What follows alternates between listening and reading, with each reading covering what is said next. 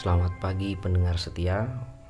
Semoga di pagi yang indah ini kita semua dapat diberikan semangat dalam menjalani hari-hari yang semoga aman-aman saja. Ya, pada kesempatan kali ini di eh, kesempatan perdana podcast ini mengangkat tema agama berdasarkan ketuhanan yang maha asyik.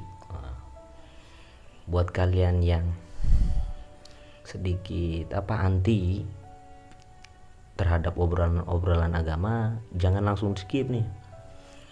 Santai aja kita nggak bakal bicara agama dari sisi yang fanatis enggak, dari sisi yang apa keras enggak juga. Kita yang asik-asik aja. Orang kita nih kan senengnya cuma dua sama yang asik-asik sama yang esek-esek. Nah kebetulan kan nggak etis lah kalau kita ngomongin esek-esek. Jadi kita ngomongin agama dari cara pandang yang asik-asik. Kalau kita ngomongin agama di Indonesia ini lucu. Ya kan? Cara beragama orang kita itu unik lah. Ada aja itu yang bisa didebatin tuh ada aja ada aja dari satu isu itu orang yang pro terus ada orang yang kontra ada orang yang mendukung ada orang yang nggak setuju ada orang yang setuju. Anehnya apa? Tiap kubu masing-masing pihak yang setuju maupun yang kontra itu punya hujah punya pendirian punya dasar punya alasan mengutip pendapat ulamanya masing-masing terus bawa ayat Qur'annya sendiri-sendiri dan penafsiran mereka yang tentunya berbeda gitu. Hal ini yang menurut eh, apa ya kebiasaan itu harusnya nggak nggak asing gitu loh. Dari zaman bahla tuh udah ada perbedaan di dalam beragama itu, tapi tidak pada urusan-urusan yang dasar seperti akidah, Oh ya sebelumnya tentu saja agama yang dimaksud di mana sesi kali ini itu ya agama saya sendiri agama Islam lah.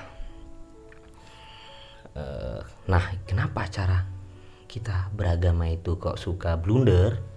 Itu bisa jadi karena kebanyakan dari kita itu mengambil kesimpulan dari hadis atau ayat Quran itu lewat terjemahan aja Padahal untuk menarik kesimpulan dari sebuah hadis itu orang perlu pemahaman banyak, nggak cuma soal bahasa. Belum lagi kalau kita ngomongin bahasa Arab itu ilmunya ada wah ilmu nahwu, susunan apa kalimat-kalimat, ilmu sorof, susunan kata itu bisa berubah lagi, ilmu mantik, disi, ilmu balaghah, pemaknaan, ya kan belum lagi kalau soal hadis. Itu ada ilmu mustolah ada ilmu fikih juga usul fik kan? Untuk memahami bagaimana situasi hadis itu dikeluarkan Nabi. Oh ya hadis itu untuk yang belum tahu hadis itu perkataan atau perbuatan atau diam. Dalam tanda kurung isyarat Nabi. Nah itu hadis tuh pokoknya kalau ada kata Nabi perilaku, perbuatan atau diam isyarat sebagai hukum hmm, itu hadis.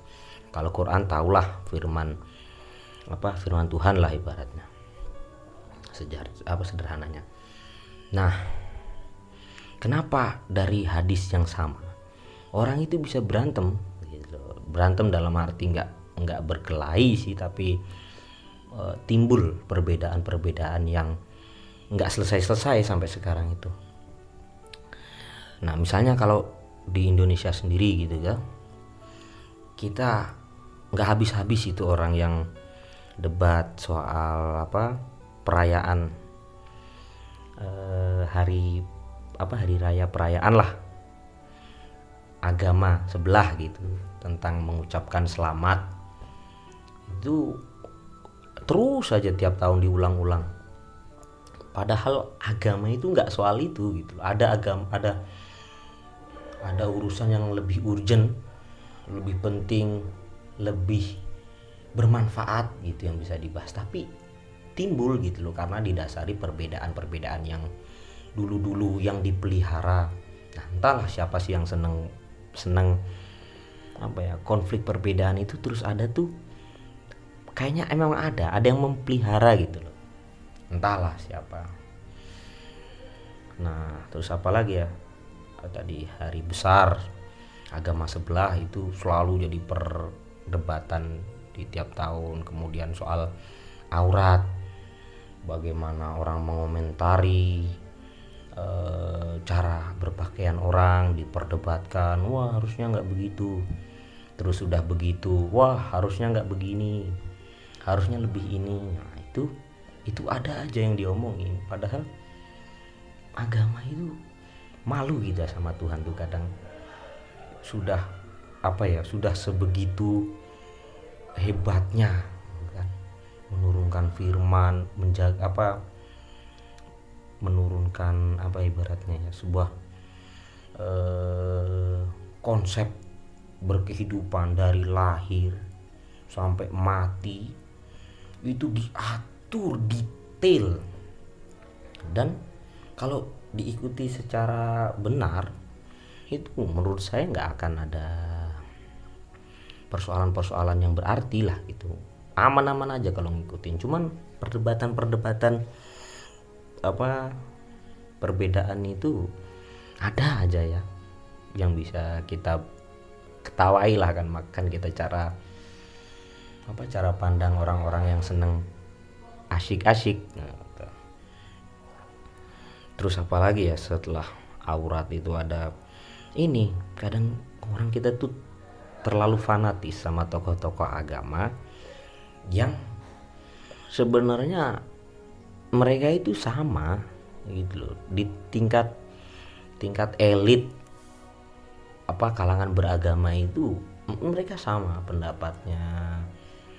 Itu tentang apa semua sama-sama nyuruh ibadah melarang apa maling melarang merampok kan sama aja sebenarnya. Cuman ada aja itu yang bisa apa yang ditemuin bisa dijadiin uh, sebuah upaya menjelek-jelekan satu sama lain. Itu lucu kalau kita bercermin sama nama agama. Apa Islam itu artinya kan keselamatan bahasa modernnya perdamaian gitu toh nggak malu apa orang ribut-ribut terus gitu. Ngaku Islam tapi berisik. Ya kan? Berisiknya berisik negatif pula. Caci maki.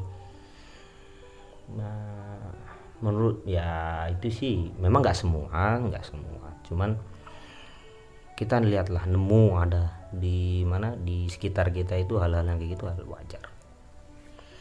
Terus timbullah orang itu apa pemahaman yang salah ngomong apa bilang agama itu sesuatu yang sensitif. Jangan bicara agama sedikit-sedikit agama sedikit-sedikit agama nanti ujung-ujungnya penistaan ujung-ujungnya pasal apa tuh penodaan agama. Wah perkara lagi. Padahal agama itu sesederhana itu cuman lakukan yang diperintahkan jangan lakukan yang di larang udah dua itu sebenarnya agama itu. Tuhan sederhana sekali. Apa me, memberi arahan hidup buat manusia. Ah, soal agama yang sensitif itu sebenarnya memang bukan agamanya yang sensitif.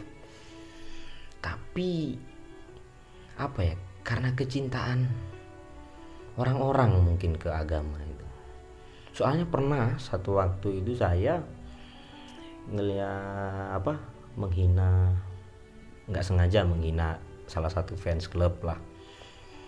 Itu orangnya marah marah betul fansnya itu. Kok bisa ya? Cuman bercanda sedikit. Ini nggak niat untuk melukai hatinya gitulah. Ibaratnya kan tapi bisa semarah itu bisa sebenci itu dia dengan saya tuh saya mulai mikir oh berarti orang itu bukan sensitif karena agama tapi karena cinta gitu. Pendapat saya kesimpulan saya itu orang sensitif karena cinta. Karena ada orang yang cintanya bukan hanya pada agama tapi cintanya sama entah itu aliran hiburan kan? Cinta sama negara ngakunya nasionalis cinta sama apa agama ntar religi religian lah gitu kan. Eh, terus cinta sama apa lagi ya? Cinta sama game. Tapi yang bisa dilihat lebih apa lebih nyata itu cinta sama bola itu analoginya orang cinta sama agama itu. Orang bisa jauh jauh berangkat dari kampung nonton tim kesayangannya main di kampung orang.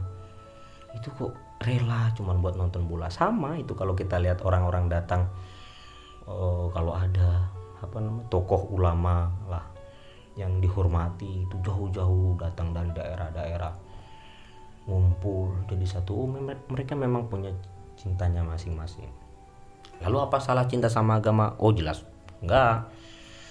Harusnya bagus itu harusnya di apa ya digencarkan cinta sama agama itu kan malu sama Pancasila yang ketuhanan Maha Esa itu takutnya cuma jadi pajangan doang kan.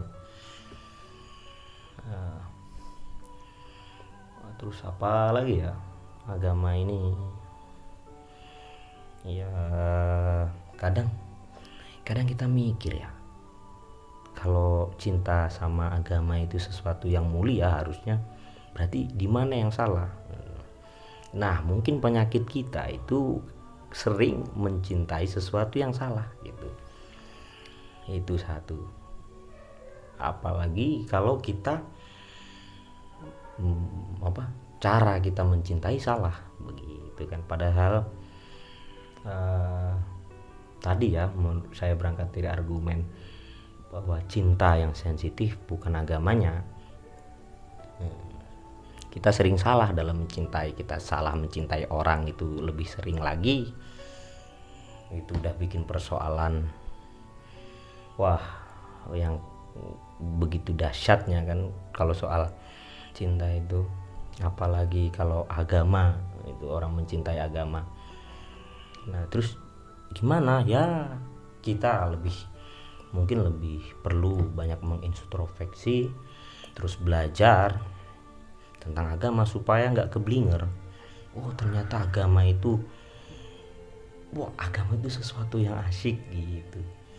Ya kok tapi kok kenapa ada yang keras bicara? Ada yang wah bawaannya pengen perang terus kalau bicara agama itu. Ya memang uh, orang itu kalau belajarnya secara utuh kan nggak mungkin melepaskan teks dari konteksnya gitu kan kayak kan nggak mungkin dong agama di dalam agama ya agama Islam itu kan misalnya perang itu kan sesuatu yang dilarang.